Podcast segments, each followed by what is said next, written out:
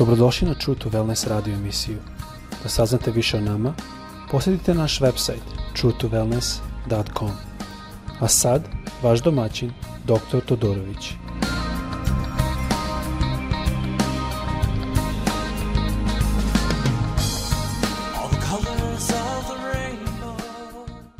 Ljubezni, dobrodošli u naš podcast. Želim vas sve pozdraviti, vas i vašu familiju. Nadam se da vam sve dobro napreduje. Želim malo da danas podelim o zakonu.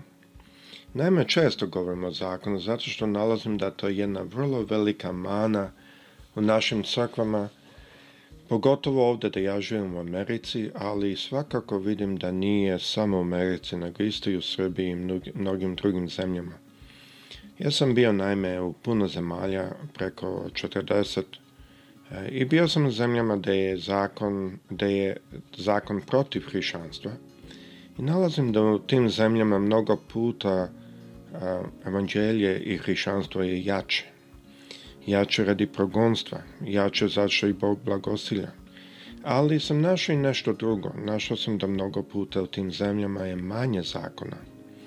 Manje dolazi do izražaja taj zakon, zato što ljudi moraju da, da hodaju u jednom odnosu sa Hristom. I želeo bi da počnem ovaj deo tako što bih pročitao u reči Božoj evanđelje po Marku, treća glava, gde kaže ovako. I Isus je ponovo došao u sinagogu. Tu je bio i neki čovek sa usahlom rukom. Bilo je tu i ne onih koji su pažljivo motrili na Isusa, da bi ga optužili koliko bi izlečio čovjeka u subotu. Isus reče čovjeku sa uslahom rukom, stani ovde u sredini. Sada da pročitam opet nešto što mi je jako upalo u oči. Bili su tu i oni koji su pažljivo motrili na Isusa, da bi ga optužili ukoliko bi izlečio čovjek u subotu. Sada ne znam ja da li da li ovde vama nešto škripi. Meni svakako škripi nešto. Oni su gledali da li će Isus da izleče. Oni nisu sumnjali da će Isus da izleče. Oni nisu sumnjali da će Isus učiniti čudo. Što mi je zanimljivo. E, to su isti ti koji su tražili znak od e, Isusa.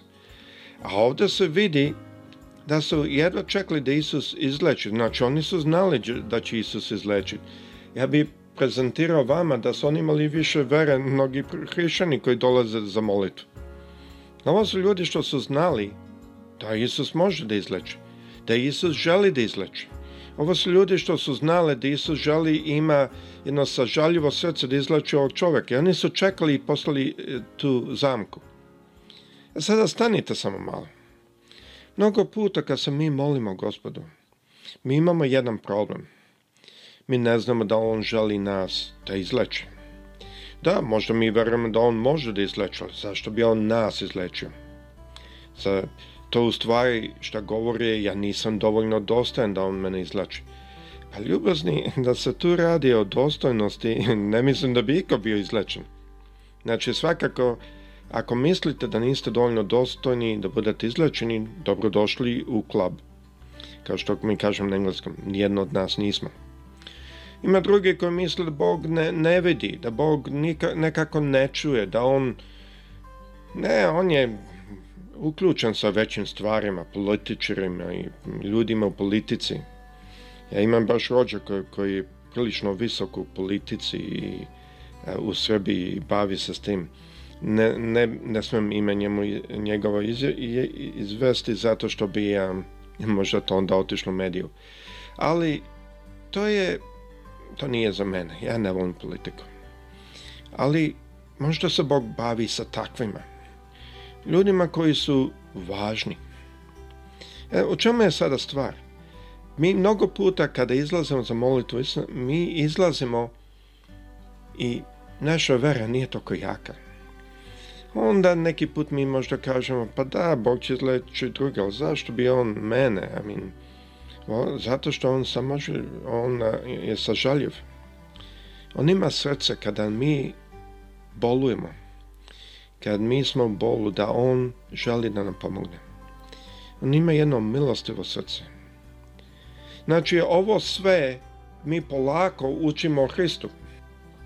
Meni je jako zanimljivo da su fariseji ovo sve znali o njemu. Zašto? Najvratnije su oni njega pratili okolo i oni su videli da on izlečuje. Oni su videli da on ima sažaljivo srce. Oni su videli da on može i želi da izleči, jer da to nisu, onda ne bi postavili zamkovak. Znači, to su sve oni videli. Vjerojatno da je mnogo puta više u prošlosti prije ovog vremena da Isus već izlečio, da je Isus pokazao svoj karakter. Oni su videli sve to. Sve te stvari što možda mi danas bi toko želili da vidimo. I toko bi želi da naučimo Hristu. Sve su to videli i dalje nisu Hrista vidjeli. Danas vi možete hodati u jednom legalizmu. Vi možete vidjeti Hrista, i znati sve o njemu, njemu i naučiti ko je on, a ne vidjeti Hrista lično.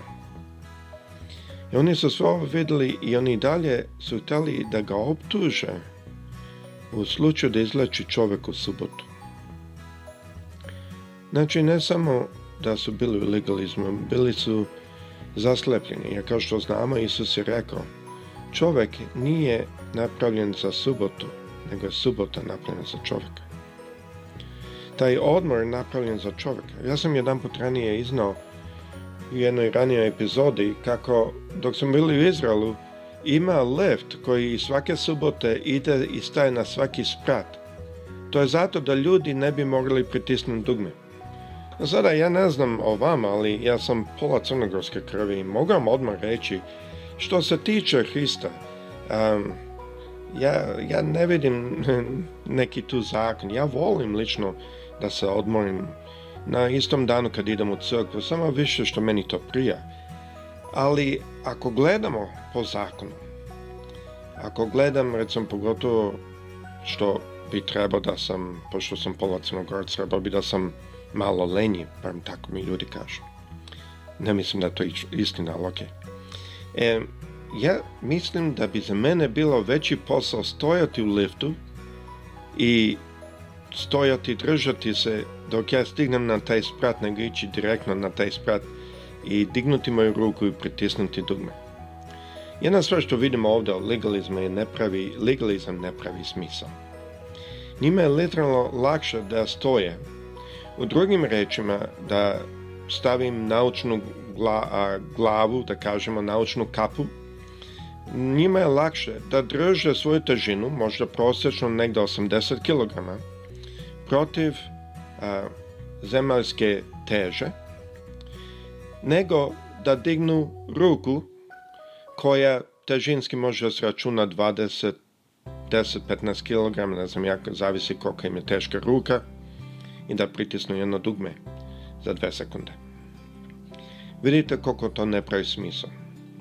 Isto tako ovde nije pravilo smisla što su ovi ljudi htjeli. Oni su čekali da Isus napravi čudo, da bi oni njega optužili što on to čudo pravi u subotu. Ne pitajući se da zašto Bog blagosilja to čudo, zašto Bog čini čudo, jer čovjek ne može sam. Ako oni ne, ne, prič, ne prihvaćaju da je Isus Bog, onda ako gledaju da je on kao čovjek, onda zašto bi Bog davao to čudo, ako nije Bože volja. Tako vidite da mnogo puta nađemo u zakonu smisli ne prave zajednicu. Stvari ne prave smisao. No čitamo dalje da onda je upito narod da li je subotom dozvoljeno činiti dobro ili zlo, spasiti nekom životu ili ga oduzeti. Niko nije rekao ni reč. Onda Isus ih pogleda s ljutinom, je ožalošćen zbog okorosti njihovog srca. Onda reče čoveku, ispruži svoju ruku. Čovek ispruži ruku i ruka mu se is, bi iseljena. I e sada vidimo naredni stih što je jako žalostan. Tada fariseji izađeše iz sinagoge i odmah sa irodovcima kovaše zaveru da ubiju Isusa. Oni nisu vidjeli čudo, oni nisu shvatili što Isus rekao. Da li je subotom dozvoljeno činiti dobro ili zlo? Danas, dok ova pandemik još uvek nalazi, još uvek ova bolest i dokolo, mi moramo mnogo puta či, pitati se da li možemo činiti dobro na neki način. Jeste teška situacija, ali mi kao hrišćani, mi smo pozvani da uvek činimo dobro, svaki dan. I kad je dan odmora, ako ja mogu dobro činiti, Kao što na drugom mestu Isus rekao, ako, mo, ako nekome padne životinja u bunar, to neće odmah izvaditi. Tako isto, mi ne, moram, ne trebamo biti vezani sa zakonom, nego vezani sa ljubavi. Jer ovo ovdje što Isus rekao, da li je subotom dozvoljeno činiti dobro ili zlo? Šta je tu Isus u stvari rekao je, hodajte u ljubavi. Činite i živite u ljubavi i nećete pogrešiti niti protiv zakona, niti protiv Boga. Mislim da je jako bitno da znamo to. Da nam go, da, da su nam oči otvorene i da vidimo ne stvari zakonske i obrade i običaje što mi mislimo da trebaju biti, nego da vidimo Isusa koji se sažaljava na ljude koji su u bolu, Isusa koji je spreman da izleči, Isusa koji neće reći on čovek, dođi nazad naredni dan pa ćemo ti izlečiti, nego sada dok je prilika. On je želao da izvadi ovom čovjeku bol i muku i da ovaj čovek može da hoda i da bude oslobođen.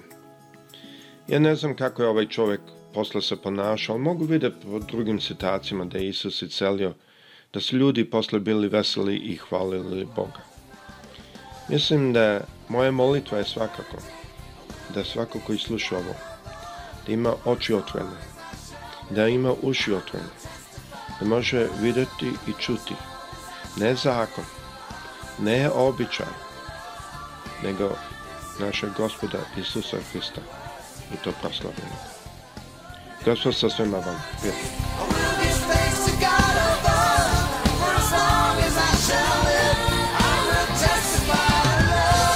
Slušate True to Wellness radio emisiju.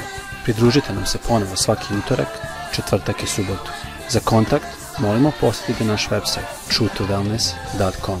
Naša e-mail adresa je info at truetowellness.com.